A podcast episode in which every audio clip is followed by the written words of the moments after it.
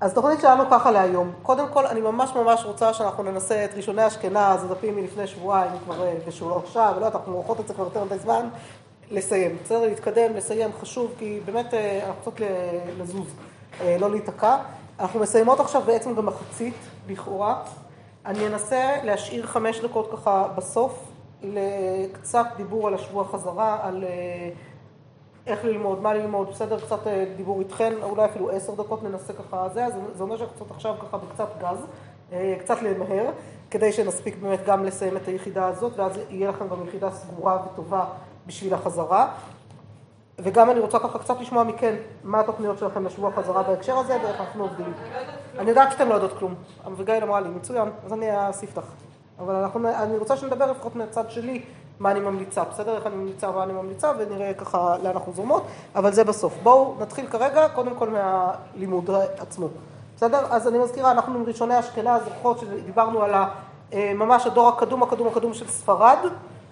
ספרד, של ספרד וצפון אפריקה בעצם, ההתחלה מצפון אפריקה, קיירואן, והנדידה לספרד, הריף, רבי יצחק אלפסי, בספרד, מראשוני ספרד, ממש הראשונים הראשונים של ספרד, ועברנו משם, אמרנו, יש לנו עוד הרבה לחזור לספרד, יש לנו את הרמב"ם, יש לנו אחרים, בסדר, יש לנו עוד הרבה מה לעשות בספרד, אבל אנחנו עצרנו כדי לראות את תקופה מקבילה פחות או יותר, גם באשכנז, כי אמרנו באמת מה שמאפיין את תקופת הראשונים, בניגוד לתקופות הקודמות שלמדנו של משנת תלמוד וגאונים, ותשימו לב, אני כבר עושה קצת חזרה בדברים עכשיו, בניגוד לתקופות של משנת תלמוד וגאונים, שהיה לנו מרכז בארץ ישראל, אחר כך התפתח מרכז בבבל, אבל זהו, שני מרכזים שקשורים אחד עם השני, קרובים אחד לשני, מעבירים מסורות כל הזמן אחד מהשני, פתאום בתקופת הראשונים בעצם מה שמאפיין אותה זה באמת הפריסה, בסדר? הצמיחה, העולמיות הזאת של שיהודים נמצאים בהרבה קהילות בכל העולם, שחלקן הגיעו מהרצף הארץ ישראלי, אמרנו אשכנז בעצם מקבלת גם מאיטליה שהגיעה מארץ ישראל, ארץ ישראל, רומאים, איטליה, עלינו למעלה לאזור אשכנז, אבל יש גם כאלה שהגיעו מספרד לשם, וככה אנחנו כאילו ברצף הזה משני הכיוונים. זה אשכנז, ואמרנו כל התפוצות האחרות של מה שמכונה היום עדות המזרח, למרות שזה נורא מגוחך, כי הרי עדות המזרח, כל אלה שהן עדות המזרח, אבל הן יוצאי קהילות ספרד או צפון אפריקה, זה המערב, זה בכלל לא המזרח, נכון? יחסית אלינו זה בטח מערב. אז זה לא, עדות המזרח הזה הוא סתם לא שם נכון אפילו לצורך העניין, אבל זה הקהילות הספרדים לצורך העניין, אם נגדיר את זה ככה, בסדר, עדות ה...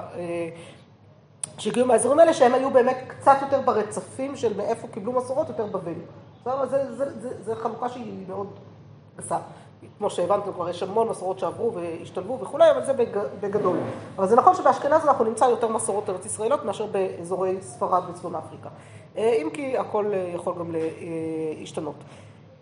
דבר אחד נורא נורא מעניין ומאפיין את, ולכן רציתי שככה נסגור אותו עם רבנו גרשום מאור הגולה, שאמרנו שהוא היה ממש מהראשונים של אשכנז, הראשונים הגדולים, יש עוד לפניו קצת, אבל התמקדתי בו כי הוא באמת הגדול, בסדר? מאור הגולה, לא סתם הוא קיבל את הכינוי הזה, וראינו את התקנות שלו שהן מאוד מאוד מאוד תפסו ככה ברמה כזאת שהיום במדינת ישראל קיבלו אותן על כל ישראל, כלומר מה שלאורך כל הדורות עוד לא התקבל על כל ישראל כי הייתה השפעה שלו, הייתה יותר אשכנזית, ברגע שהגענו לארץ ישראל והרבנות הראשית פה קבעה שזהו, הולכים לפי רבנו גרשום מאור הגולה בדברים האלה עד הסוף וכולנו יודעים, חלק הכרתם כבר מילדות מחדרג, חרם ברבנו גרשום על קריאת מכתבים וראינו עוד שתי תקנות על זה שאסור לגרש אישה בעל כורחה והתקנה שלא לשאת שתי נשים, שתי תקנות חשובות מאוד בענייני נשים שהוא ככה קידם גם כן, ראינו שהייתה הכרחיות לדבר הזה, בין השאר בגלל הבינלאומיות של היהודים שנדדו בכל העולם והיו סוחרים בינלאומיים והיו צריכים,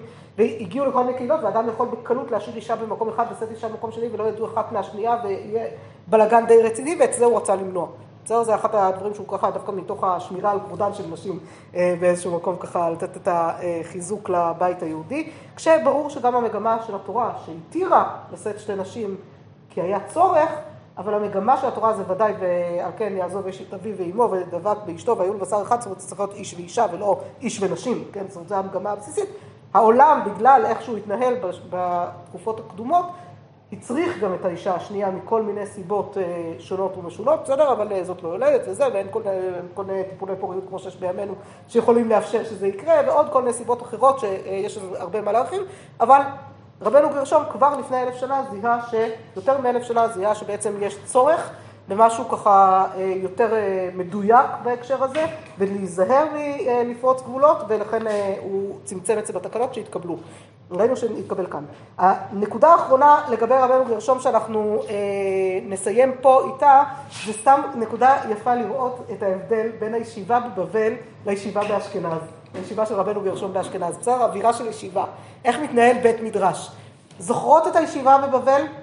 בבל, אפילו ארץ ישראל גם, הישיבות של ארץ ישראל בבבל, איך הן היו מחולקות, איך, איך, איך הייתה הישיבה, זוכרות את המקורות על הייתי יושב לפניו ורואה ניצוצות של אש פורחים ממנו לזה, ואני ישבתי אי שם בשורה ה-17, בסדר לצורך העניין, וכמובן לא פתחתי את הפה, כי הדיון היה מתנהל רק בין הגדולים, בסדר? אז היה לנו, היה החכם היה יושב בראש, אחריו שורות, שורות, שורות, שורות, שורות של תלמידים, הייתה יראת כבוד מאוד מאוד גדולה, לא כל אחד יכולה להגיד מה שהוא רוצה, לא כל, כל אחד יכול להתפרץ ולשאול.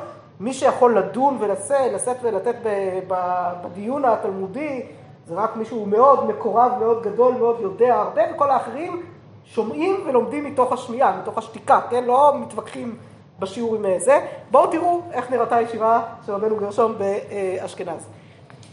אם יש למול נער בראש השנה, בסדר? אותה שאלה שבאשכנז, האם יש למול נער בראש השנה. אמר אבא מרי רבנו יהודה ברבי קלונימוס, בשם מרנה ורבנה רבי יהודה החסיד, בשם רבי שמואל החסיד, שאמר בשם רבנו קלונימוס הזקן, בן רבנו יצחק, בן רבנו אלעזר הגדול, בסדר? אז יש שם תלמיד חכם, בסדר?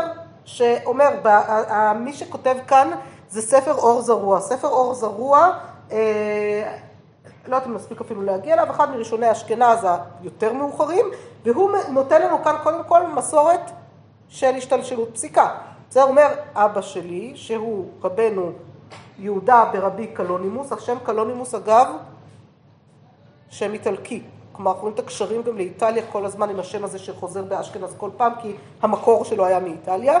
בשם רבי יהודה החסיד, שמו, רבי שמואל החסיד, רבנו קלונימוס הזקן, רבנו יצחק בן רבי אלעזר הגדול, בסדר? הגענו למסורת מאוד מאוד ארוכת שנים, שקרה פעם, באותם שנים, אצל, כנראה אצל רבנו אלעזר הגדול, שרבי מגנצה מילא בראש השנה. ושאלו לקדושים אשר בארץ, רבנו גרשום ברבי יהודה מאור הגולה, ורבנו שמעון הגדול בר יצחק, ורבנו יהודה הכהן, שעשה ספר הדינים. ורבי יהודה הגדול שהיה ראש לנהרגים ושאר בני הישיבה הקדושה, והורו כולם למול הנער לאחר קריאת התורה וההפטרה, קודם שיתקעו בשופר, כדי שתהא ברית מילה דחופה לתקיעת שופר, שיזכור לנו הקדוש ברוך הוא ברית אברהם ועקדתו של יצחק, והביאו סמך לדבריהם, ממטבע שתבעו חכמים בתפילת היום, וקיים לנו השם אלוקינו את הברית ואת החסד ואת השבועה של נשבעת על אברהם אבינו בהר המוריה, ותראה לפניך העקדה שעקד אברהם אבינו את יצחק בנו על גבי המזבח וכולי, דהיינו ברית תחילה, ואחר כך עקדה, דהיינו תקיעת שופר, שנשחט מורו עין. ועוד, דחתימת הברכה ועקדת יצחק לזרוע היום תזכור ברחמים, ברוך אתה השם זוכר הברית, וסמך לי, אתה נגלית דהיינו שופרות וחותמין שומע כל תרועת עמו ישראל ברחמים. כלומר, ברור לנו שיש קודם ברית גם בסדר התפילה. קודם זיכרונות, זוכר הברית, ואחר כך שופרות. לכן קבעו רבני הישיבה שם, בסדר? הרי מה השאלה? השאלה מתי לעשות הברית, כן? צריך לתקוע בשופר, יש לנו שתי מצוות.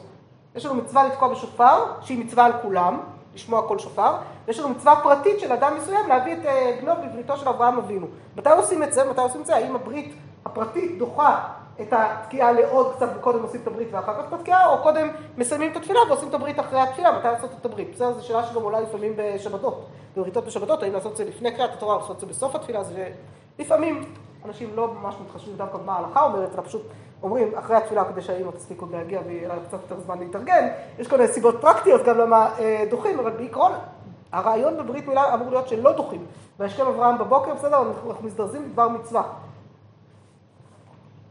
ולכן אנחנו, זו השאלה שעולה, ודנים בזה בישיבה שם במג, במגנצה, ישיבתו של רבנו גרשום מאור גדולה עם עוד גדולי עולם כמו רבנו יהודה הגדול ורבי רבנו שמעון הגדול ורבי יצחק, בסדר, זה ממש דמויות ידועות מאוד, אני עוד פעם לא מרחיבה על כולם כי אנחנו לא נספיק לסיים אף פעם אם נתחיל להרחיב, אבל תחפשו, בסדר? אתם יכולים לקרוא עליהם יותר, אם תרצו, יש אה, הספר הזה שאמרתי לכם כבר שהוא ספר נפלא ונהדר על, אה, על כולם, על כל הראשונים. בסדר, יש גם על האחרונים, יצא בשנים האחרונות ממש, זה כבר אה, ותיק והרבה שנים. יש ספרים אחרים, תקראו, תלמדו, תכירו עוד דמויות מצוין, אבל אני אומרת כרגע אני מצמצמת לדמויות המאוד מאוד מאוד מאוד גדולות וידועות, ככה, למרות שיש כאן עוד הרבה להרחיב. אבל, קיצור, יושבים כל הגדולים, ראשי הישיבה, ופוסקים לעשות את הברית לפני תקיעת שופר. למה? הזכות של הברית, תעלה זיכרוננו לפני הקדוש ברוך הוא בתקיעת שופר, אנחנו רוצים להרבות בזכויות, אז בואו נכניס את הברית גם כן, במיוחד שהברית מילה היא באמת משהו שקדם לעקדה, גם כן, על אברהם קודם נטמע ליצחק ואחר כך עקד אה, אותו על המזבח, יש לנו את זוכר הברית ורק אחר כך שומע כל תרועת עמו ישראל ורחמים וכולי, כל הדברים האלה, אה, שלום לכן, אה, כל הדברים האלה גרמו להם לפסוק שקודם כל תקיעת שופ... ברית מילה ואחר כך תקיעת שופר, ותראו מה קורה בישיבה. הם הגדולים, ראשי הישיבה מכריעים ביניהם הלכה, קודם כל להכניס אה, את התינוק בברית ואחר כך לתקוע בשופר. והרבה מבני הישיבה הקדושה היה קשה בעיניהם לעכב תקיעת שופר כל כך בשביל המילה, ורצו לדחותה עד גמר כל התפילה. כלומר, יושבים התלמידים בבית המדרש ואומרים להם, לא, לא מתאים לנו, לא נראה לנו הדבר הזה, אנחנו רוצים משהו אחר, אנחנו רוצים, אה, אנחנו חושבים קודם כל שצריך לתקוע בשופר, ורק בסוף התפילה בואו נחכה רגע עם הברית, מה קרה? אז הוא יחכה עוד קצת, אבל אנחנו כל נתקע בשופר שלנו, מצווה חשובה שהיא חלה על כולנו. והשיבם רבנו גרשום, אם אין מילה, אין תקיעת שופר בעולם, שנאמר אם לא בריתי יומם ולילה וגומר ועוד במצוות מילה קדמה לתקיעת שופר.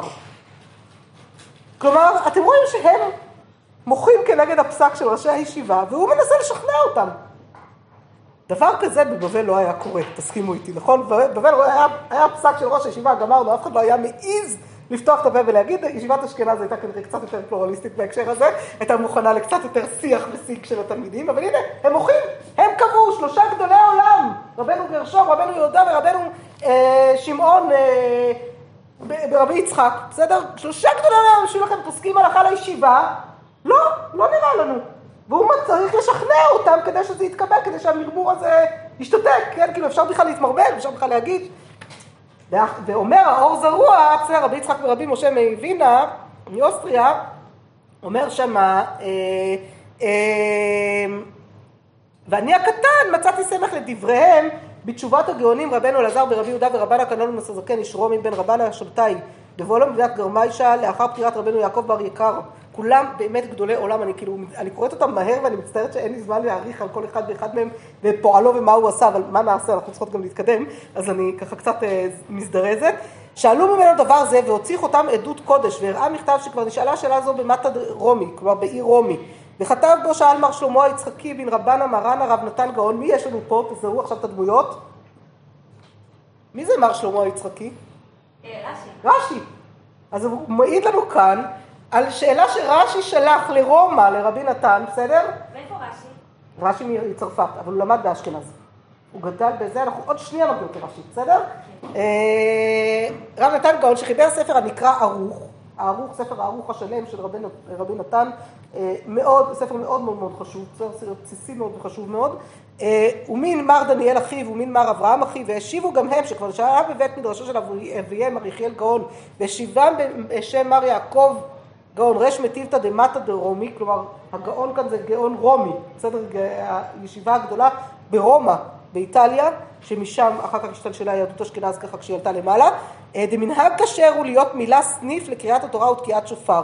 ועוד במצווה למובחר הוא להקדים מילה בהשכמה משום דזריזין מקדימים למצוות. ואין נכון לאחריו גמר התפילה, דרוב פעמים גמר תפילה בסוף שמונה שעות, והמאחר מצוות מילה כל כך נראה דמצוות מילה בזויה עליו. לכך נכון להקדים להיות תכופה בין קריאת התורה לתקיעת שופר, וכאן למדנו כמה דברים. שיותר חשוב, שלא שזה יותר חשוב, אלא שהיא קודמת לה. למה היא קודמת לה?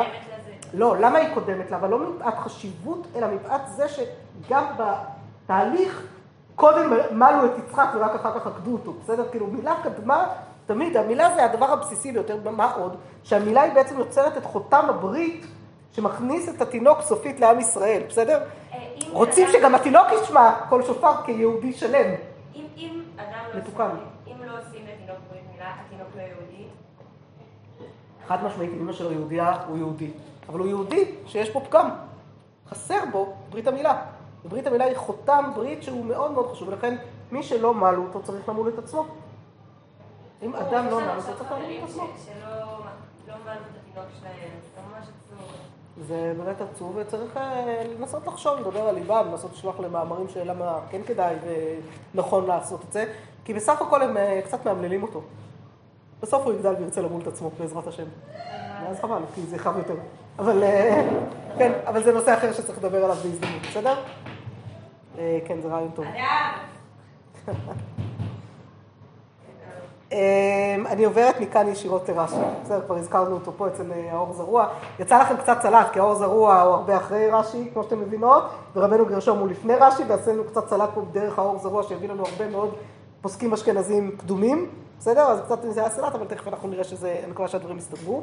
בואו אה, נתקדם ישר. למה פתחתי ברש"י בבראשית? זה הראשי הכי חשוב. למה הוא הכי חשוב? ישראל... אה, נכון, אבל שנייה, בואי נראה מה זה.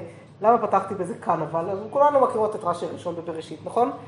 כשאני הגעתי להיבחן, אני זוכרת את זה עד היום, כשאני הגעתי להיבחן אה, לבית ספר חורב בירושלים, לכיתה ז', שאל אותי המנהל על הרש"י הראשון בתורה, ולמה הוא פותח ואמר רבי יצחק, ואמר לי במבחן, שטות. בסדר? לכן אני זוכרת את זה. כי אחר כך אמא שלי תיקנה ואמרה שזה ממש שטות. למה? אומר, למה אמר רבי יצחק? הוא אומר, זה כיבוד הורים. הוא רבי שלמה יצחקי, מה זה יצחקי? בן יצחק. רבי שלמה ברבי יצחק. אז הוא רצה לפתוח בכבוד אביו ולהביא דבר בשם אביו. למה זה שטות? בשביל הבאתי את זה, כשתדעו שזה שטות. למה זה שטות? מה? זה לא אבא שלו, זה מדרש. במדרש כתוב, אמר רבי יצחק. בסדר? פשוט מצטט מדרש בשם רבי יצחק. אולי הוא רצה לפתוח גם כי הוא היה בן יצחק, לא יודעת, אבל זה לא משום כבודו של אבא שלו, כי זה לא בשם אבא שלו, זה לא שאבא שלו אמר, מקור הרבה הרבה יותר קדום מהמדרש. בדרך כלל רש"י מביא לנו המון המון המון גם מקורות מהמדרש. מה מדהים אצל רש"י? מה? לא נעים, לא, לא נורא. בואי נאמר שלמדתי שם שנתיים, שנתיים ארורות של חיי, שמחתי מאוד לברוח, וזהו, זה טוב שהם היו, טוב שהם מאחוריי. זה זין חץ בכל מקרה לא גיל כיפי במיוחד, אז כשאת נמצאת גם במקום שלא כיף לך בו, זה ודאי לא, לא, לא האידיאל. אז אה, בסדר, ברוך השם, גם שם למדתי קצת תורה כנראה, וקצת דברים, אבל אה, בצביה ירושלים. עברתי משם לצביה ירושלים, למרות שהאופציות על השולחן היו, אם זה סתם מעניין, האופציות על השולחן היו מ... מה זה? מה אמרת לי? מה, גם למדה בצביה ירושלים? יפה. בת כמה היא? היא קצת, קצת מעליי. אה, כמה שנים מעליי. והשכבה שלנו הייתה השכבה הכי גדולה באולפנה, כלומר היינו 150 בנות בשכבה, בקושי את כל בנות השכבה מתגברת. בטח לא משכבות אחרות, רק בודדות מאוד, אז אין סיכוי. אה, בכל מקרה, אבל תדעו שהאופציות, עד שהגעתי לצביעה זה היה ברירת מחדל אחרונה. כלומר, התחלנו לבדוק את פלך, נווה חנה, והגענו בסוף לצביעה ירושלים. זה מעניין, אבל זה מעיד על בית ההורים שלי הרבה. זה בדיוק אנחנו, כאילו זה בדיוק נכון ומתאים. כל האופציות היו על השולחן, וצביה היה המקום שהתאים לי בשנים האלה, עם זה שכל יום חזרתי הביתה לארוחת צהריים עם אמא שלי, ועשינו קצת סדר מחדש בהשקפת העולם, כן? היה צריך כאילו גם את זה קצת לסדר, ועם זה שאני חושבת שעד היום המנהלים של צביה לא בדיוק מסתדרים עם מי שאני, בסדר? גם, אה, זה, זה, זה מצחיק ומגוחך, אבל זה המצב. כן, אז אה, כן, בסדר, אני- הלוואי עליהם כל הבוגרות שלהם, מה שיצא ממני שלומדת תורה כל החיים, אבל היה קשה להם לעכל את זה. אני זוכרת ממש שיחה כזאת שהייתה קשה לעיכול. אה, אז בסדר, מורכב, מורכב, החיים שלנו מורכבים קצת יותר ממה שהם נראים, אבל ברוך השם, אני מבקשת איתם עם הרב אה, איתן אייזמן, שיאריך ימים בטוב. הוא, הבן שלו גר ביישוב אצלנו, אז הוא מגיע מדי פעם, ואנחנו תמיד משוחחים בשמחה, ואני, יש לי איתו קשרים מאוד מאוד טובים עד היום. אז בסדר, נשארתי איתם בקשר טוב. גם, אבל גם הייתי התלמידה הרצינית הזאת שמתעצבנת למה לא לומדים פה תורה כמו שצריך, כן? אני זוכרת את הטלפון שלי כשהתחלתי ללמוד באוניברסיטה, היסטוריה של עם ישראל, מתקשרת יום אחד המחנכת שלי מהתיכון, אה, למחנכת מי"ב, אומרת לה, אורלי, תגידי לי, למה הייתי צריכה לגלות את הרמב"ם ואת גדולתו של הרמב"ם באוניברסיטה? אמרתי לי, מה, אבל לימדנו אתכם הלכות תשובה. אמרתי, כן, נו, הלכות תשובה אני אבין את הגדולה של הרמב"ם. באוניברסיטה התחלתי לקלוט אה, איזה דמות, לא קלטתי אפילו שאני מתעסקת איתה בתיכון. אז זה, זה חבל, זה פספוס. אני בכלל חושבת שיש הרבה פספוסים באיך שמלמדים כן. תורה בתיכון, אז אה, בסדר, בשביל זה אנחנו פה, לעשות השלמות, אחרי. אז אה, וזה זה החשיבות, ולכן אני גם מתעקשת איתכם על השיעור הזה במתכונת הזאת כמו שהוא, למרות שהוא קצת פחות מעניין לפעמים אולי מלדבר על כל מיני נושאים מאוד מאוד פיקנטיים, אמרתי לכם, זה פשוט לא יהיה לכם במקום אחר. כי זו ההזדמנות ש... תשאלו את אביגיל, צריך למצוא זמנים שאני יכולה לבוא ושזה מסתדר, אבל בכיף, אני, אני פתוחה לזה, רק שצריך למצוא שזה על הדרך ומסתדר טוב. וזה בשבוע בסדר? תגידו לנו, אם זה ילך, אני חושבת ששבוע חזרה מיועד לזה שאתם תחזרו. וזה הנקודה, אני לא כל כך שתלמדו עוד דברים חדשים, אבל בהזדמנות אחרת בשמחה. נדבר על זה. טוב, אז הבאתי את רש"י הראשון בתורה כדי להגיד שהוא מסתלק על מדרש. מה הגדולה של רש"י? קודם כל אמרנו, רש"י גדל בצרפת, בסדר? רש"י הוא צרפתי, הוא גדל בצרפת, אבל בצרפת באותם ימים היו כבר קצת גדולי תורה, היו קצת גדולי תורה, אבל עוד לא מספיק אה, גדולים, והמרכז הכובד האשכנזי החזק היה באשכנז. אמרתי, הזכרתי לפני שבועיים, אתם זוכרות, קהילות שום, שפרה וורמייזה מגנצה, שזה בעצם לא לפי הסדר, כי מגנצה הישיבה הכי חשובה מתוכם, המקום הכי חשוב. לכן רש"י עוזב את צרפת, עובר למגנצה, לומד שם תורה מפי גדולי מגנצה של התקופה ההיא, וחוזר עם תורתו לצרפת, ושם מתחיל את מפעל חייו, כלומר מקים את הישיבה או מצטרף לישיבה, עומד בראשה, מלמד אה, ומכשיר תלמידים ולומדים. ברוח המאוד פתוחה הזאת שראינו כאן של אה, רוח ישיבת מגנצה, אותה גם כן כנראה אוהבים בצרפת, איך אני יודעת את זה? לרש"י בעצמו היו רק בנות, לא היו לו בנים.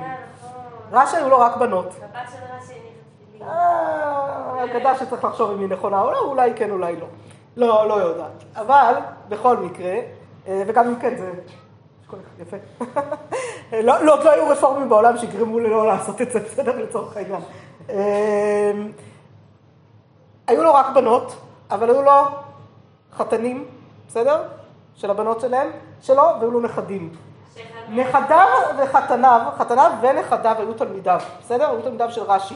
ואנחנו רואים אותם חולקים עליו על ימין ועל שמאל כל הזמן. כלומר, זה, כדי לחלוק על מי שלימד אותך תורה, אתה צריך שיאפשרו לך את זה. שיהיה איזה מקום ואפשרות לעשות דבר כזה.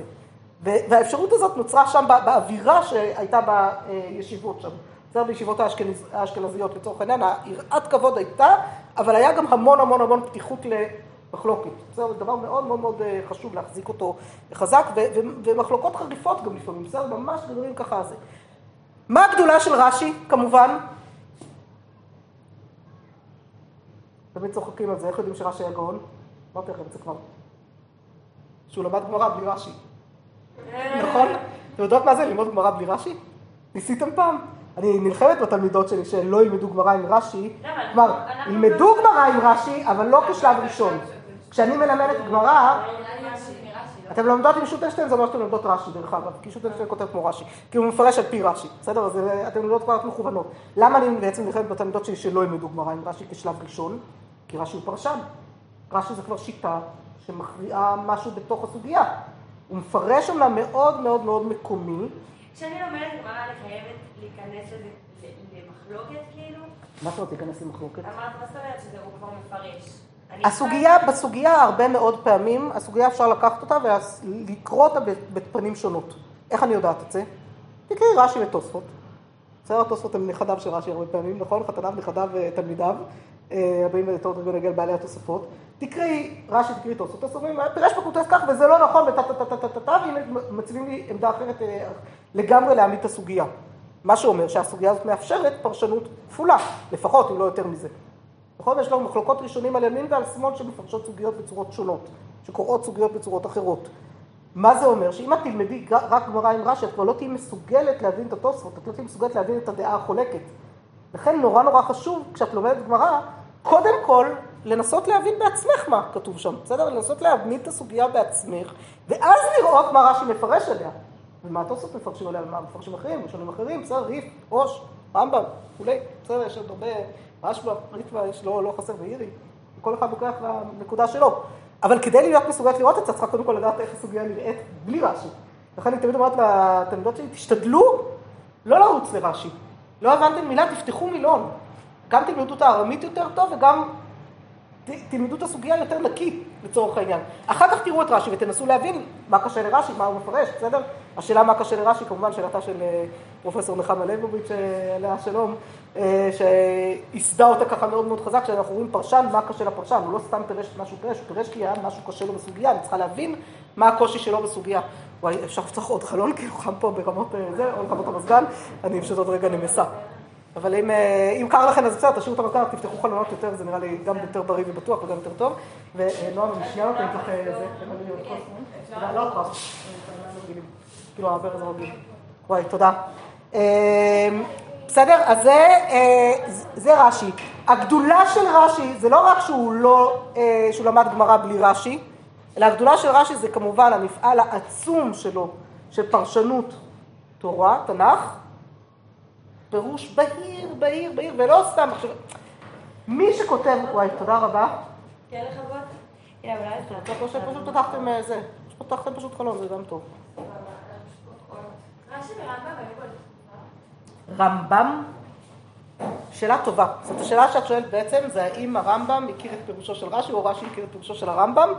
כנראה שהם היו פחות או יותר חופפים ולא הספיקו להכיר, כלומר יש שם איזה פער שנים מסוים, בסדר? אני, אם אני זוכרת נכון, הרמב"ם היה קצת אחרי רש"י, בסדר? כאילו בין תקופתו, אבל יותר ממנו, אבל מי שמזכיר את רש"י כבר הרבה זה רבי אברהם בן הרמב"ם. הרמב"ם עצמו לא מתייחס לרש"י, זה מעניין. יכול להיות שהוא כבר הכיר אותו קצת, אבל הוא לא הכיר אותו ב... הוא עוד לא הבין מי הוא, בסדר? הוא עוד לא יכול היה להבין מי הוא. זה מעניין, באמת, זאת שאלה מצוינת. אה, זה, זה מורכב, בסדר? אבל אה, זה... רש"י כמובן לא הכיר את הרמב"ם, בסדר? זה ברור. שרש"י לא הכיר את הרמב"ם ולא הביא אותו ולא שום דבר. מי שהכירו כבר את הרמב"ם היטב, כמובן, הם בעלי התוספות, הנכדים שלו. נכדים, התלמידים, אומרת, כן יכול להיות. למרות שגם הם הכירו לא יודעים היטב. אני מנסה לחשוב עכשיו לזכור תוספות שמזכיר רמב"ם, לא, לא, לא עולה לי כרגע בשלוף, בסדר? הם כן מזכירים ריף, והם כן מזכירים אה, אחרים, בסדר, אבל אה, רבנו חננאל, הם, הם מזכירים את הקודמים להם יותר. זה לוקח זמן, כי זה גם אזורים שונים לגמרי שדברים מתפתחים. בתקופות שונות של מכתבים, ואין דפוס. אין, שלא לדבר על אה, אינטרנט. בסדר, אין דפוס אפילו, אין ספרים שנפוצים. צריך העתקות, ולשלוח העתקות, ועד שדבר מתפשט לוקח את הזמן. רש"י תפס אבל מאוד מאוד חזק, מאוד מהר ומאוד חזק יחסית, כי הפירוש שלו הוא כל כך בהיר ופשוט, בסדר? והמפעל שלו זה מפעל גם על כל התנ"ך וגם על כל הש"ס, כמעט כל הש"ס, לא כל הש"ס, אבל כמעט כל הש"ס, יש רש"י. ממש, והוא מתבסס על מדרשים, הוא יודע מדרש, הוא יודע תלמודים, הוא יודע, אז כאילו באמת, גודל, ויחד עם הגודל הזה לכתוב את המאוד מדויק, מאוד מצומצם, מאוד נקודתי כאן. גם איך הוא ידע הכל, איך הוא ידע? זה ידיעות של... נכון, נכון, נכון. והגדולה זה גם להגיד את אני יודע. נכון. אם אנחנו רוצות לדייק רגע, מה זה? אמ, אני חושבת ש... לא, אני חושבת שכמעט שאין מסיבה אחת פשוטה. כי כבר אין צורך. בסדר? כי כשאין צורך אז אין. כלומר, תחשבו, הזיכרון שלי הוא זיכרון מאוד מאוד טוב למספרים. כאילו, מספרים זה דבר שנקרא לי חזק נורא בראש, סתם, קצת טיפשי, לא ממש עוזר תמיד, אבל בסדר, ביומנו זה ממש לא עוזר. אה, משהו, מספרים, תאריכים, כל מיני דברים מהסוג הזה, כי זה דברים שחזקים אצלי יחסית. אני עד היום זוכרת תאריכי יום הולדת של חבר'ה מהכיתה שלי ביסודי. וואי, מטורף. למה? כי אז זה היה צריך לזכור את זה. את התאריכים של ימי הולדת של חבר'ה שעובדים איתי היום אני לא אזכור, כי זה כתוב לי כבר ביומן, אז אני צריכה להשקיע בלזכור את זה. מבינות? זה כאילו כבר קופץ כל שנה, זה לא בעיה. זה, זה כאילו ההבדל נורא גדול, כן? מבחינת הזה, היי, שלום. תצטרפי, בסדר, אנחנו באמצע לדבר על רש"י. הדפים היא לפני שבועיים. אה, אשכנז. כן, שעה אשכנז, בדיוק. אנחנו מנסות לסיים את ראשוני אשכנז היום. ולהשאיר זמן גם לדבר על השבוע חזרה. אז אה, נשתדל. היי, יפית, עברת מקום. פיני את המקום שלך להילה שהגיעה ואת עברת? זהו, אני רואה. יופי. מעולה. כן, רק שהבדידות לא תתבטא בזה. לא, אבל אין בעיה, אין בעיה, אני צוחקת. מצוין, מצוין. חברותא זה הדבר הכי חשוב בעולם. אני... אה, אז אני אומרת, זיכרון זה דבר שעובד לפי הצורך. בסדר, אין חוכמות. כן. פעם הייתי זוכרת מספרי טלפון בעל פה, המון מספרי טלפונים בעל פה, היום אני לא זוכרת מספר אחד, את המספר של הבן שלי אני לא זוכרת בעל פה, פדיחה. אבל תמיד אני מחייגת אליו מהקיצור, אז מה, למה שאני אזכור, איך אני אדע, כאילו... קצת פדיחה עדיין, אבל אה, בסדר, לא מצליחה, לא נקלט, לא, יש איזה מספר שלא נקלט לי. אבל אה, את כל האחרים כן, טוב. אז זה מצחיק, כאילו, את, כל כך מחייגת אותו מה, מהקיצור, שכבר את לא יודע שתזכרי אותו. זה דברים שכאילו ממש אה, הולכים, זה לא, לא, איפה שתפתחי חלונות, אה, שם פשוט לצד הזה. שלא תקפאי, אין בעיה, מצוין. אמ, אז בסדר, אני רוצה, אמ, אני שנייה לא נכנסת עכשיו למקור, למקורות, אני דיברתי בגדול, אני עוברת ישר לבעלי התוספות, ואני אגיד לכם כבר חידוש נפלא שהתחדש לי, ככה איזשהו משהו נחמד שהתחדש לי בזמן האחרון ממש, בגמרא, בסדר? סתם שולחת גמרא אקראית, אני אפילו לא יודעת איזה מסכת הלכתי. בואו נראה מה יצא לנו, בבא בתרא, איזה כיף. טוב, אחת המסכתות האהובות עליי, כי למדתי אותה בשנה הראשונה במתן. פותחת באקראי. איפה רש"י, איפה תוספות? כן, איפה רש"י, איפה תוספות? לא, לא, לא, לא, לא ימין. רש"י לא. בפנים, יפה, רש"י בפנים, תוספות בחוץ, תמיד, נכון? זה אומר שבעמוד ב' תמיד רש"י יהיה בשמאל, אני מחזיקה את זה הפוך, זה ממש קשה, תרגיל קשה במחשבה, בסדר? ותוספות בימין, ובעמוד אה, א' תמיד יהיה לנו רש"י, הפוך, נכון? שמאל זה עמוד א', צד שמאל זה עמוד א', כן, תמיד צד שמאל זה עמוד א', רש"י יותר מהר. מה זה? רש"י תמיד כותב יותר מהר. לא תמיד, יש לנו תוספותים לפעמים. בואי נגיד, כשאת מגיעה לדף, בדרך כלל, כזה גדול, אז את יודעת שיש פה הרבה אגדתות, זה אמור להיות דף קל יחסית. רש"י כותב הרבה, כי הוא מפרש על האגדתות הרבה, אבל לתוספות אין הרבה מה לומר, כי זה דף אגדי יותר. אבל אני אקח נגיד ככה, דף כזה, מהדפים הראשונים של, נתונים של פרק שלישי, את רואה שזה יוצא כבר כמעט משתווה, נכון? וכאן יש לנו מעט מאוד גמרא, כשלומדים דף יומי זה אחלה דפים כאלה, כי לומדים כן, דף יומי, כן. אם לומדים דף יומי בלי לא, פרשנים, זה לא, אם לומדים דף יומי בלי פרשנים זה הרבה יותר קשה, אבל אם קוראים דף יומי כמו שאני עושה, שאני רק קוראת, באמת, לא זה, זה אחלה, כי דפים ארוכים, ארוכים, ארוכים כאלה לא נגמרים, זה נגמר מהר, אבל מצד שני אני לא מבינה כלום, אז זה לא עוזר לי הרבה, לפעמים להפך, לפעמים דווקא הדפים הארוכים אני יותר כיף לי, כי אני מבינה לפחות מה אני קוראת יותר בקלות, אה, אם אני משקיעה בהם כמו שצריך, אז הנה לך פה, בסדר, אז עדיין כאן אה, רש"י עולה על הזה, אבל פה כבר התוספות, אה, גם כאן רש"י עוד קצת יותר, אבל יחסית יש לנו כאן שוויון, מה שאומר שיש כאן אה, סוגיה, חתיכת סוגיה עיונית רצינית. בסדר? זה, זה מה שהסימן. אבל מה, מה רציתי להגיד על המבנה הזה, שהמבנה הגאוני, באמת גאוני, לא סתם, די, לא סתם האלמנה והאחים ראם בווילנה, שעיצבו את צורת הדף בצורה כזאת, עיצבו, כ- אה, זכו לזה שזה יתקבל בכל תפוצות ישראל עד ימינו. למה? כי באמת זה גאוני. כלומר, באמת יש כאן משהו גאוני בסידור הזה. אה, מחקרים היום, מחקרי אה, מוח, על אה, קשיי למידה וכל מיני סיפורים של אה, דיסלקציות וכאלה למיניהם, אה, ממש מוכיחים שהדף, צורת הדף הזאת, מאוד מאוד עוזרת ללמידה, של מי שיש לו קשיי למידה. הרבה יותר מאשר דפים כמו שאני מביאה לכם, כאילו של יותר מדי רצף ב... זה אלא דווקא דפים שמסודרים בצורה כזאת, הקפיצות האלה עוזרות מאוד בסדר. אז אה, כנראה זה תפס. מה זה? זה מטורף שידעו לעשות את זה. מדהים, כן? בווילנה. מה? אני לא יודעת למה הם חשבו על זה, אבל עובדה שככה הם סידרו את הדברים. אני חושבת שהיו גם דפוסים לפני כן שסידרו דברים בצורה די דומה כנראה, אבל, אבל הם ממש סידרו, דף וילנה תפס, ולא סתם. הרעיון לשים את רש"י בפנים ואת תוספות בחוץ, אני ככה אף פעם לא חשבתי על זה, למה זה ככה, למה זה חייב להיות ככה דווקא, עד שיום, ממש לאחרונה, באחת הקבוצות שלי בגמרא, עלה לי פתאום ההברקה, שזה ממש ממש מאפיין את הפירושים שלהם. כי רש"י הוא פרשן מקומי. תוספות הוא פרשן חוץ תלמודי. כלומר, חוץ לא חוץ תלמודי, אלא חוץ המקום שלנו. מה הכוונה?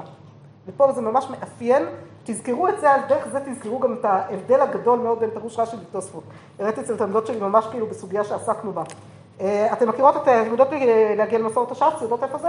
מכירות? יודעות מה זה מסורת הש"ס או בכלל לא דיברתם על זה אף פעם? כלי ממש ממש ממש חשוב בלימוד גמרא גם כן. מסורת הש"ס נמצאת לנו פה. הפניות מה זה במ"ם? אה, ל- מסורת. הש"ס, הפניות. לא לפסוקים, זה תורה אור. מסורת הש"ס, הפניות למקבילות, לסוגיות מקבילות בתלמוד. בתלמוד, כמו שאתם יודעות, יש לנו יחידות טקסט שהתמקמו להם בכל המקומות. יכולה להיות לי ממש אותה סוגיה בדיוק, אותם מילים בדיוק, שיופיעו לי גם בברכות, גם במגילה, גם בסוטה, גם... אבל למה זה חוזר על עצמו? זה חוזר, למה זה חוזר על עצמו? כי זה- הסוגיה נלמדה... כן, הסוגיה, תחשבי, אנחנו מדברים על מאות שנים, נכון? דיברנו, אני עושה קצת חזרה, אגב זה אתם שמות לב, אנחנו כל הזמן חוזרות, עושות אה, סיבובים, ספירלות, כן? וזה טוב, כי אתם ככה, זה ייטמע יותר. כן, כן, כן, לא, חזרות זה דבר נפלא ונהדר, אני כבר בפתח של שבוע חזרה. אה, התלמוד נכתב על פני, התהווה על פני 300 שנה, עוד 100 שנה של עריכה, נכון? אמרנו מ-200 לספירה עד 600 הגענו 100 שנה של בסוף. עריכה? 100 שנה של עריכה, זה עריכה בלי מחשב, חתיכת עבודה אה, של עריכה כזאת, כשהכל בעל פה, הכל בראש, כן, הכל מה שזוכרים בראש בעיקר, כאילו כמעט אין כתב אפילו. אה, הדבר הזה יצר יפית, לומדים סוגיה מסוימת בברכות נגיד, בסדר? לא יודעת איפה למדו אותה, אולי במגילה דווקא. למדו סוגיה מסוימת, הגיעו לאמירה מסוימת על הסוגיה. נסגרה יחידת טקסט של דור מסוים שאומרים כך וכך על הדבר הזה והזה. אבל כבר לא זוכרים על מה זה התחיל, אלא יש יחידה שעוסקת בנושא מסוים, ואז באים עורכי התלמוד ואומרים, רגע, רגע, רגע, אבל זה מתאים מאוד גם לברכות, גם למגילה וגם לסוטה. איפה אני אכניס את זה? רוצות דוגמה, כאילו קצת, להבין על מה אני מדברת? סוגיה שלמדתי ממש לאחרונה, סוגיה של קריאת שמע אה, בכל לשון. בסדר? האם קריאת שמע היא נאמרת בכל לשון? אפשר לקרוא קריאת שמע בכל לשון שאנחנו מבינים? בסדר? לא להגיד שמע ישראל, השם אלוקינו, השם אחד, אלא להגיד את זה במי שכאן דוברת אנגלית, תתרגם באנגלית, תגידו את זה בזה. בסדר? לא משנה. כן, בדיוק, משהו כזה. שזה כמובן קצת משנה את המשמעות של איך שזה נאמר בפסוק, כן? כן? זה הבעיה עם תרגומים תמיד. אז האם מותר להגיד את זה כך, כי זה מה שאני מבין, ואני אגיד שמע ישראל, השם אלוקינו, השם אחד, ואני לא דובר עברית, אני לא אגיד לי כלום, או ששמע ישראל צריכה להיאמר דווקא בלשון הקודש, בלשון, בלשון הקודש נאמרה. בסדר, ואז צריך להגיד אותה גם בלשון הקודש. איך קוראים קריאת שמע? יש לנו סוגיה בברכות שמדברת על אה, היה קורא את שמע אם כיוון ליבו יצא, היה קורא בתורה והגיע זמן המקרא, אם כיוון ליבו יצא, ואז השאלה האם, לאיזה קריאה זה, ויש שם ממש קטע שלם של מחלוקת, רבי וחכמים, האם קריאת שמע בכל לשון, או קריאת שמע, אה, והיו בהבנתן יהיו אה, קריאת שמע בלשון הקודש נאמרה, וההשלכה של זה על כל התורה כולה. כלומר, אם קריאת שמע היא ככה, ואני הוצאתי את קריאת שמע מן הכלל, אז זה אומר שזה משליך על הכלל כולו. על, על איך כל התורה כולה צריך לקרוא אותה, בסדר? האם בלשון הקודש או לא בלשון הקודש, כאילו צריך להיות הפוך כזה. וזו הסוגיה שעובדת, זו יחידה ממש ממש מסודרת של מחלוקת רבי וחכמים. ברור שהייתה מחלוקת רבי וחכמים כזאת שעברה איתם, עברה לבבל, איפה למדו אותה בבית המדרש, איפה הזכירו אותה? אולי הזכירו אותה אפילו שלוש פעמים בבית המדרש. בסדר? יכול להיות, למה? כי פעם אחת זה בברכות על היה קורא אה, בתורה והגיע זמן המקרא, אם כיוון ליבו יצא. פעם אחת זה במסכת מגילה, על אגב הדיון על איך קוראים מגילה, אומרים גם על קריאת אה, שמע, ופעם אחת זה בכלל במסכת סוטה, שיש שם אה, סוגיה שלמה על איך קוראים, ושם מה שמדהים הוא... פשוט הקשרים שונים, ושם מה שמדהים במסכת סוטה, שהמשנה אומרת בצורה מאוד מפורשת שם, קריאת שמע בכל לשון. מדהים. יש לנו יחידה כזאת, והגמרא אחר כך מביאה עליה את המחלוקת רבי וחכמים. רגע, אבל כבר המשנה אומרת לנו קריאת שמע בכל לשון, אז מה פתאום אתם עכשיו זורקים לי מחלוקת אחרת, כאילו, ש... שדנה בזה? למה לדון בזה? כבר המשנה הכריעה. רבי יהודה הנשיא, שאגב הוא אומר שלא קריאת שמע בכל לשון, רבי יהודה הנשיא הוא זה שאוחז בשיטה של בלשון הקודש נאמרה, פסק כחכמים במשנה שהוא ערך. הוא לא פסק כמותו, זה גדולתו המדהימה של רבי יהודה הנשיא, כן, שהוא ידע בסוף איך פוסקים הלכה, שיחיד ורבים הלכה כרבים, חכמים אמרו, גם אני חושב אחרת, אני גם משנה אכניס את הדבר הזה, כמו שהם חושבים. אבל מה, היחידה הזאת של המחלוקת ביניהם, כן המשיכה להתגלגל ונכנסה בתלמוד ונכנסה בשלושה מקומות שונים.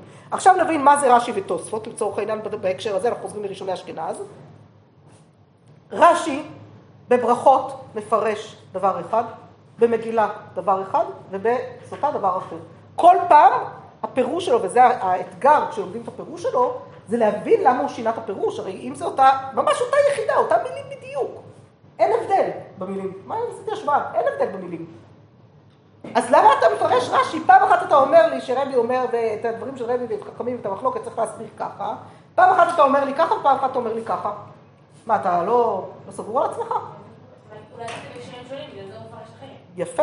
כלומר, בעצם כשאני קוראת את רש"י ואני רואה שהוא מפרש אחרת בכל מקום משלושתם, אני לומדת איך הוא קישר אצל ההקשר. איך הוא קרא את הסוגיה בהקשר שלה, כן, במקום שלה. אבל למשל, קריאת שמע, אז בסוף מה מדהים בקריאת שמע? תגידי לי את. מה מדהים בקריאת שמע? הפסוק הזה, שמע ישראל, השם אלוקינו, השם אחד, אין יהודי בעולם שלא יודע להגיד אותו פחות או יותר, כן? הוא גדל עם טיפונת, משקעית. לא עכשיו, הוא לא מבין מה הוא אומר בהכרח, שזה בעיה לדעת אה, חכמים. אבל הפסוק הזה הוא כל כך יסודי, כאילו, כאילו, ההלכה נפסקה שקריאת שמע בכל לשון, וזה לא עזר. זה היה כל כך יסודי, שזה נשמר בלשון הקודש. אוקיי. וכל מקום מופיעה בהקשר שונה ואומרים משהו אחר, אבל וואלה זו אותה סוגיה, זו אותה שאלה, אז איך פועלים לפי ההקשר הזה או לפי ההקשר הזה? אז זה כבר דרכם של פוסקי ההלכה, של איך צריך בסוף לפסוק הלכה אחרי השקלול של הכל, עם המודעות לזה שזה נמצא בכמה מקומות שונים, והשקלול של כל הדברים ביחד. אבל שנייה, אני עוד לפני שאני מגיעה לשם, בסדר? שנייה יפית, אני רוצה רגע לסיים רגע עם ראשוני אשכנז בהקשר הזה, ואז אני משתדל גם לענות לך לשאלה, אבל את שואלת שאלות מצוינות ממש, וטובות, והן חשובות מאוד. אז, מה, אז אמרתי, רש"י בכל אחד מהמקומות מפרש מה שמתאים לאותו מקום, ואגב זה עוזר לנו ללמוד את הסוגיה המקומית הרבה יותר טוב, לפתוח אותה. כי דווקא אם אני אשווה את, אצל הפירוש שלו במקום אחר, אני אבין איך הוא מבין את ההקשר פה בסוגיה שלנו. התוספות מסתכלים על הדברים בדיוק הפוך. התוספות כשהם רואים סוגיה, כל הש"ס פרוס לפניהם. זה מדהים, היכולת הזאת של כל הש"ס פרוס לפניהם, כן? הם יודעים הכל. זה גם תחשבו בעולם אורייני, בעולם של אלפה, כאילו איך אתם זוכרים את הכל בכלל, כן? אנחנו... אני כאן לצטט לכם את הסוגיה הספציפית הזאת שלימדתי אותה כבר, אני לא יודעת כמה פעמים אני לא זוכרת בעל פה עד כדי כך. והם זכרו כל כך הרבה, זה, זה, זה לקנא, כאילו, זה מטורף. אבל מה זאת אתם רואים את כל הש"ס פרוס? הם מסוגלים לפרש לי בברכות, כן? להגיד בברכות, אה, אבל אה, פירש הקונטרס במגילה כך וכך וכך, ולהקשות על הפירוש שלו ממגילה. בסדר? ואז הם שולחים אותי להסתכל במסכת מגילה ולראות מה כתוב שם. ולראות שזה לא תואם את הפירוש של רש"י כאן, ולהתחיל לדון על למה זה לא תואם ומה קורה כאן. כלומר, לכן, לכן אמרתי, לכן שמו את התוספות בחוץ אולי. כי הם תמיד פונים החוצה, תמיד פונים לכל המרחב של התלמוד. אם רש"י הוא מאוד מקומי, מפרש מאוד על פי מה שההקשר בסוגיה שלנו הספציפית הזאת, וזה יכול להיות אפילו פירוש אחר ממה שהוא יפרש על אותה סוגיה בדיוק במקום אחר, תוספות הם בדיוק הפוך, תוספות הולכים בדיוק בכיוון ההפוך של מה שרש"י עושה, ומסתכלים על הכל, ואז הם יקשו לי על רש"י, עכשיו לפעמים זה מצחיק, הם אומרים, פירש הקונטרס כך וכך, אתם מסתכלות בקונטרס, הקונטרס זה כינוי לרש"י, בסדר? לקונטרסים זה הקונטרס הפירוש, כאילו, הקונטרס זה כאילו כמו פנקס כזה, כן? כאילו הפנקסים של רש"י, בסדר? לצורך העניין. אז פירש רש"י, לפעמים כותבים רש"י, בדרך כלל כותבים לקונטרס, פירש רש"י כך וכך וכך. עכשיו, רוצות לראות לזה דוגמה חיה בדפים שהראיתי לכם? כידוע לכם מסכת ברכות חביבה עליי במיוחד, אני עובדת כבר כמה שנים, אז בואו תראו, בואו תראו דוגמה אה, יפה אה, בהקשר הזה, בסדר? הגמרא בברכות, אני ממש ההתחלה של הגמרא בברכות, אני ממש אעשה את זה אבל בריצה עכשיו וזה, אבל בואו נראה את זה בכל זאת קצת. הגמרא בברכות אומרת ככה, ממתי קוראים שמע בערבים? משעה שהקונים נכנסים לאכול בתרומתם עד סוף השמורה הראשונה, דברי רבי אליעזר, וחכמים אומרים עד חצות. רבן גמליאל אומר עד ש... נכון, נכון, זה התחלה, התחלה, התחלה של הש"ס. עד שעלה עמוד השחר, מעשה ובאו בניו בבית המשתה, אמרו לו לא קוראים לו את שמה. אמר להם אם לא עלה עמוד השחר חייבים אתם לקרות. ולא זו בלבד אמרו אלא כל מה שאמרו חכמים עד חצות מצוותן עד שעלו עמוד השחר, הקטר חלבים ואיברים מצוותן שעלו עמוד השחר, וכל אה, נאכלים ליום אחד צתן שעלו עמוד השחר, וכן למה אמרו חכמים עד חצות כדי להרחיק את האדם מן העבירה, בעצם זה לא הגמרא, זה המשנה בברכות. משנה הראשונה במסכת ברכות בש"ס, בסדר? מפרש לנו רש"י על המשנה, ככה. ממתי קוראים את שמע בערבים? משעה שהכהנים נכנסים לאכול בתרומתם. כהנים שנטמעו וטבלו והריב שמשן והגיע איתם לאכול בתרומה. בסדר, הוא מסביר לנו מה זה הדבר הזה, אה, איך מסבירים את המשנה פה. עד סוף השמורה הראשונה אומר לנו רש"י שליש הלילה כדי מפרש בגמרא. ומשם ואילך עבר זמן דלא מקריתו זמן שכיבה ולא להם באים בשוכבך. ואז הוא אומר ככה, בסדר, וכאן הנקודה החשובה בהבדל בינו לבין התוספות. ומקמי הכי, מה זה מקמי הכי? לא, תוספות זה הרבה אנשים. כן. מה זה מקמא יחי? מקמא זה מלפני. מלפני כן. מלפני כאן. מלפני כן, מלפני כן מה? כלומר, הגמרא, תשימו לב, המשנה דיברה איתנו על ממתי עד מתי. ממתי קוראים שמע בערבית עד סוף השבורה הראשונה. על המילים של העד מתי של רבי אליעזר מפרש רש"י גם על הלפני. הוא אומר, גם הזמן שלפני רבי אליעזר, הדעה שלו אומרת, זמן שכיבה, השעות שבהן אנשים נוהגים ללכת לישון, בסדר? השעות שבהן אנשים נוהגים ללכת לישון, זה שעות ממש ממש רק כבר שליש ראשון של הלילה. רוב האנשים הנורמליים לא הולכים לישון בשלישים השניים של הלילה, בסדר? בשני השלישים האחרונים. חוץ מכל מיני, היום זה כבר השתנה עם החשמל ועם הכל, בזמנם זה לא מצוי, בסדר? זה דבר לא הגיוני. חוץ מבניו של רבן גמליאל שמטפלים בבית המשתה הנורא בסדר? אבל כאילו, צדדים חריגים. בדרך כלל הזמן הליכה ראשון היה בשליש הראשון, אומר רבי אליעזר, כתוב לי בשוכבך, שוכבך, זמן שאנשים רגילים, נורמליים, הולכים לישון. בסדר, ומישהו לא רגיל ונורמלי, אז נתלה דעתו אצל כל אדם.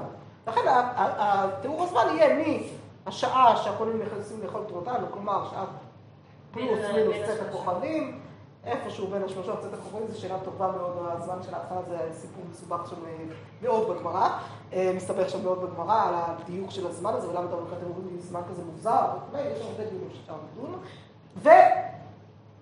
וזה אומר רש"י, לפני הזמן הזה, כלומר לפני שמגיע הלילה, זה גם לא זמן שכיבה. ולכן הוא אומר, לפיכך הקורא קודם לכן, מי שקורא את קריאת שמע לפני שנהיה לילה, לפני שנהיה חושך, לא יצא ידי חובתו. אם כן, למה קוראים אותה בבית הכנסת? כדי לעמוד בתפילה מתוך דברי תורה. מה המציאות שרש"י הכיר? צרפת, לא בדיוק המציאות המשופרת והטובה של ארץ ישראל, שבה השקיעה בהרף עין, תוך 20 דקות יש לנו חושך, נכון? פחות או יותר, כי כוכבים יוצאים אחרי 20 דקות גג, בערך מהשקיעה עד הכוכבים. לפעמים יש עוד דמדומים קצת, אבל כאילו, לקרוא כבר נהיה לילה. צרפת זה יכול לקחת גם שעתיים. בסדר? כן. עכשיו, חתיכת סיפור.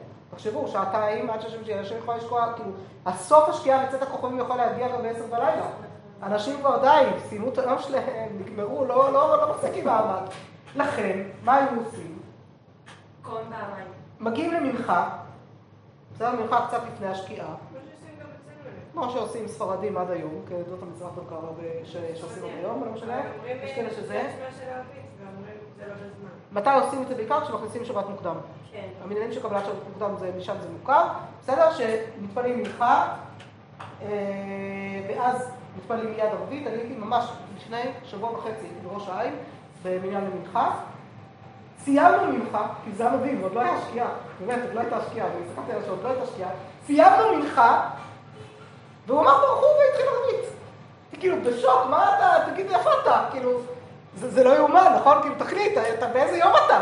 ערבית הרי זה התפילה שלו יום הבא, אתה ביום, כאילו, התפללת מנחה עכשיו לפני, כאילו, לא התפללת מנחה גדולה, מוקדם. כן, לא הקדמת ואמרת, אוקיי, היום, ה- היום הבא מתחיל אה, כבר, כמו דעת רבי יהודה, מפלג המנחה, בסדר? מה- מהחצי של מנחה קטנה, כן?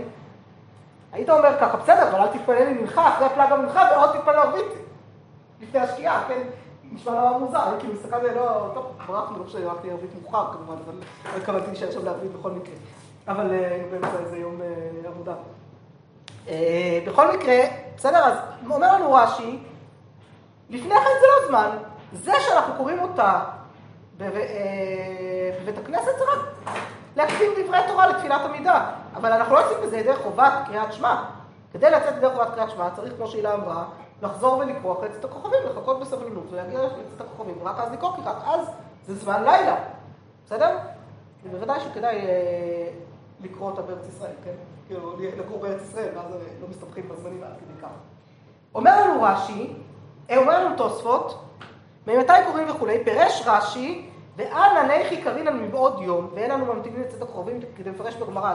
על כן פירש רש"י שקריאת שמע שעל המיטה עיקר, והוא לאחר צאת הכוכבים. רגע, רגע, רגע. רש"י אמר לנו קריאת שמע של המיטה עיקר? הוא אמר שבקריאת פרשה ראשונה שאדם קורא את אותו יצר, הוא לא אמר שהיא עיקרית בהכרח. בסדר, תשימו לב שהם קצת מכניסים לו מילים. אבל לא, לא ניכנס לכל זה עכשיו, כי ממש הזמן שלנו כבר קצר מדי. תשימו לב לראשי תיבות שיש בהמשך שמודגשים לכם. יש לנו את רבנו תם, יש את רי הזקן מבעלי התוספות, רבי יצחק הזקן מבעלי התוספות. בסדר, רבנו תם, נכד של רש"י, רבי יצחק הזקן מבעלי התוספות, גם כן מתלמידיו המובהקים, מהתלמידים המובהקים שם באשכנז, פרשן מאוד מאוד מאוד חשוב.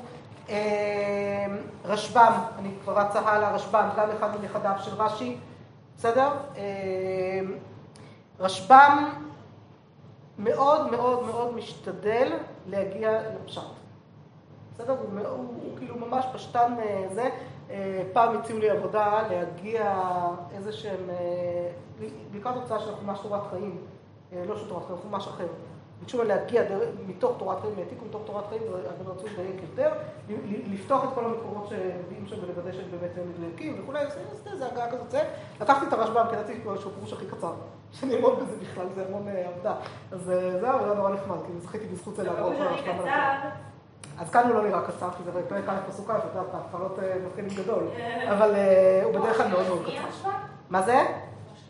הרשב"ם הוא אשכנזי, הוא נכד של רש"י. אחד מנכדיו של רש"י, רבי שמעון בן מאיר. מאיר. מאיר היה- בן- מאיר. אה, ומאיר בן שלמה? אה, לא, לא, לא, כי אמרתי שלרש"י הוא רק בנות. אה, נכון. חתן. מאיר זה זה חתן של רש"י. לא, לא היו שמות משפחה. שמות משפחה זה דבר מאוד מאוד מאוחר, ממש בדורות האחרונים יחסית. לקח הרבה זמן. לא זוכרת, זה הגולים, לא זוכרת איפה הם התחילו. לא, לא היה שם כאילו, מעניין אותי מי הרב הכי גדול עם שם משפחה. כאילו, הכי ראשון, כאילו. זה התפתח גם בצורה הזו, זה לא בדיוק היה שם משפחה, אבל זיהו אנשים יותר לפי המקומות שלהם. בסדר? זה כן היה, זיהוי לפי מקום. אה, גם קצת מאוחר יותר כבר. לא, צריך, אני צריכה לבדוק את זה, לא, לא זוכרת כרגע, זה מעניין. למה? רש"י זה לא יש על זה בטוח תחפשי בגוגל תצאי. ספרי לי מה מצאת. מה? רבי שלמה יצחקי, זה על שם אבא שלו, רבי שלמה בן יצחק. לכן נקרא רבי שלמה יצחקי. אולי ממנו יצחקי, כבר שם משפחה נשמע. השם משפחה יצחקי יכול להיות שהתגלגל אי שם, אני מניחה שזה השם הזה יצחק אחר שהיה שם איזה משפחה, הרבה משפחות יצחקי, של כל היצחקים, כן? כשאנחנו חשבנו פעם אם לעברת או לא, אז הצעתי שלעברת לבן צבי, כי חמי הוא צבי. זה יכול להיות נורא נחמד, ופשוט גרנו בבית שהיה כתוב עליו בן צבי, כי שכרנו בית עם מישהו שהיה בן צבי פעם. אז אמרתי, יאללה, בוא נעברת לזה, אבל אה, לא עשינו את זה. צריכים שלא להושיט פעולה מספיק. מה זה פרנק? פרנק זה בכלל מטבע... כן, גם אנחנו, פרנקל. כן, זה מטבע מזה, כאילו המקור הוא באזור גרמניה או משהו כזה, אבל... אה, כאילו אנחנו, כאילו, חמי אנגלי, אבל בסדר, אבא שלו הגיע מאזור אה, גרמניה או משהו כזה, גרמניה או... לא, לא גרמניה, אוסטריה, אוסטריה. נו, אז... האזור, כאילו אותו אזור, כן. לא קשור לים. טוב, בואו זה. אני רצה הלאה ממש בשתי מילים, כי אני רוצה לסיים את ראשוני אשכנז, הסמ"ג, ספר מצוות גדול, רבי משה ורבי יעקב מהעיר קוצי בצרפת, גם כן ספר מאוד מאוד מאוד חשוב, ספר מצוות, מה זה אומר ספר מצוות? ספר שמונה את מניין המצוות ומפרש אותם ומסביר עליהן כל דבר. זה ספר המצוות כאילו? תראו איך הוא פותח את ספר המצוות שלו, יש הרבה ספרי מצוות. אה. יש ספר מצוות של הרמב"ם, יש הרבה יש ספרי את ספר מצוות. המצוות שלומדים בבית ספר. אני לא זה... מניחה שזה ספר מצוות לרמב"ם. החינוך. לא ספר החינוך. חינוך. ספר המצוות, ספר החינוך זה משהו אחר, זה גם ספר, סוג של ספר מצוות, זה סוגה ספרותית, ספרי מצוות. אז רבי משה מקוצי כתב את ספר מצוות גדול, את הסמ"ג, תראו איך הוא פותח, שם הבאתי לכם רק לראות את הפתיחה שלו, מה המצווה הראשונה, המצוות, המצווה הראשונה, מהי המצווה הראשונה שיש לנו? המצווה הראשונה היא מצוות עשה להאמין. כי אותו שנתן לנו את התורה בהר סיני על ידי משה רבנו, הוא השם אלוקינו שהוציאנו ממצרים. וזהו מה שאמר בשעה שנתן את התורה, אנוכי השם אלוקיך אשר הוצאתיך מארץ מצרים. אז המצווה הראשונה זה מצוות אמונה. בסדר? להאמין בהשם, להאמין שהוא נתן לנו את התורה. אה, ספר מצוות קטן, רבי יצחק ורבי יוסף מקורביירי, בסדר? גם מחכמי צרפת בסוף תקופת בעלי התוספות. אה, גם ספר מאוד מאוד מאוד חשוב, סמ"ק, ספר מצוות קטן. הוא קטן כי הוא דווקא מצמצם יותר, ותראו ככה, גם הוא מתחיל ביסודות אמונה. אה, לידה שאותו שברא השמיים והארץ, זו מצווה ראשונה, לידה שאותו שברא השמיים והארץ, הוא לבדו משה למעלה ומטה ובארבע רוחות כדכתיב, אנוכי השם אלוקיך וגומר, וכתיב ידעת היום ושבתה אל לברך, כי השם הוא אלוקים השמיים מעל וארצות תחת, אין עוד וכולי וכולי, ותראו איך הוא כבר מרחיב כאן במצוות אמונה. בסדר, אני לא נכנסת לזה עכשיו, אתם יכולים, זה ממש, אני מציע לכם לשבוע חזרה, קצת להעמיק בדפים האלה יותר, כי יש כאן אה, פנימים יפות. אה, וכדאי, ואני מסיימת את ראשוני אשכנז כרגע, כרגע לפחות עם ספר חסידים, רבי יהודה ורבי שמואל חסיד, משפרה, ראינו אותו קודם גם כן באור זרוע שהזכיר אותו, בסדר? וספר חסידים, זה לא קשור בכלל לחסידות של ימינו, בסדר? מה שחוקרים היום היא חסידות, זה אה, חסידות אשכנז, חסידות אשכנז, את יודעת הטוב, זה לא לרגל אחת. כשנחזור אחרי שבוע חזרה, נצטרך להשלים את הפינה הזאת מתישהו, בסדר? תזכירו לי. כי אני ממש מרגישה שאני כבר עושה חטא, ממש חטא גדול, כאילו, עד כדי כך לרוץ. אז נעזוב את זה כרגע. תזכירו שצריך לסיים את הפינה של חסידות אשכנז, כדי שאנחנו אה, רצות אה, קדימה. בכל מקרה, ראינו כאן אה, ככה מרחב אשכנזי ארוך וגדול. אתם צריכות, יש לכם עוד שמה לחזור גם. אני בכמה מילים עכשיו עוצרת את ההקלטה ולשבוע חזרה.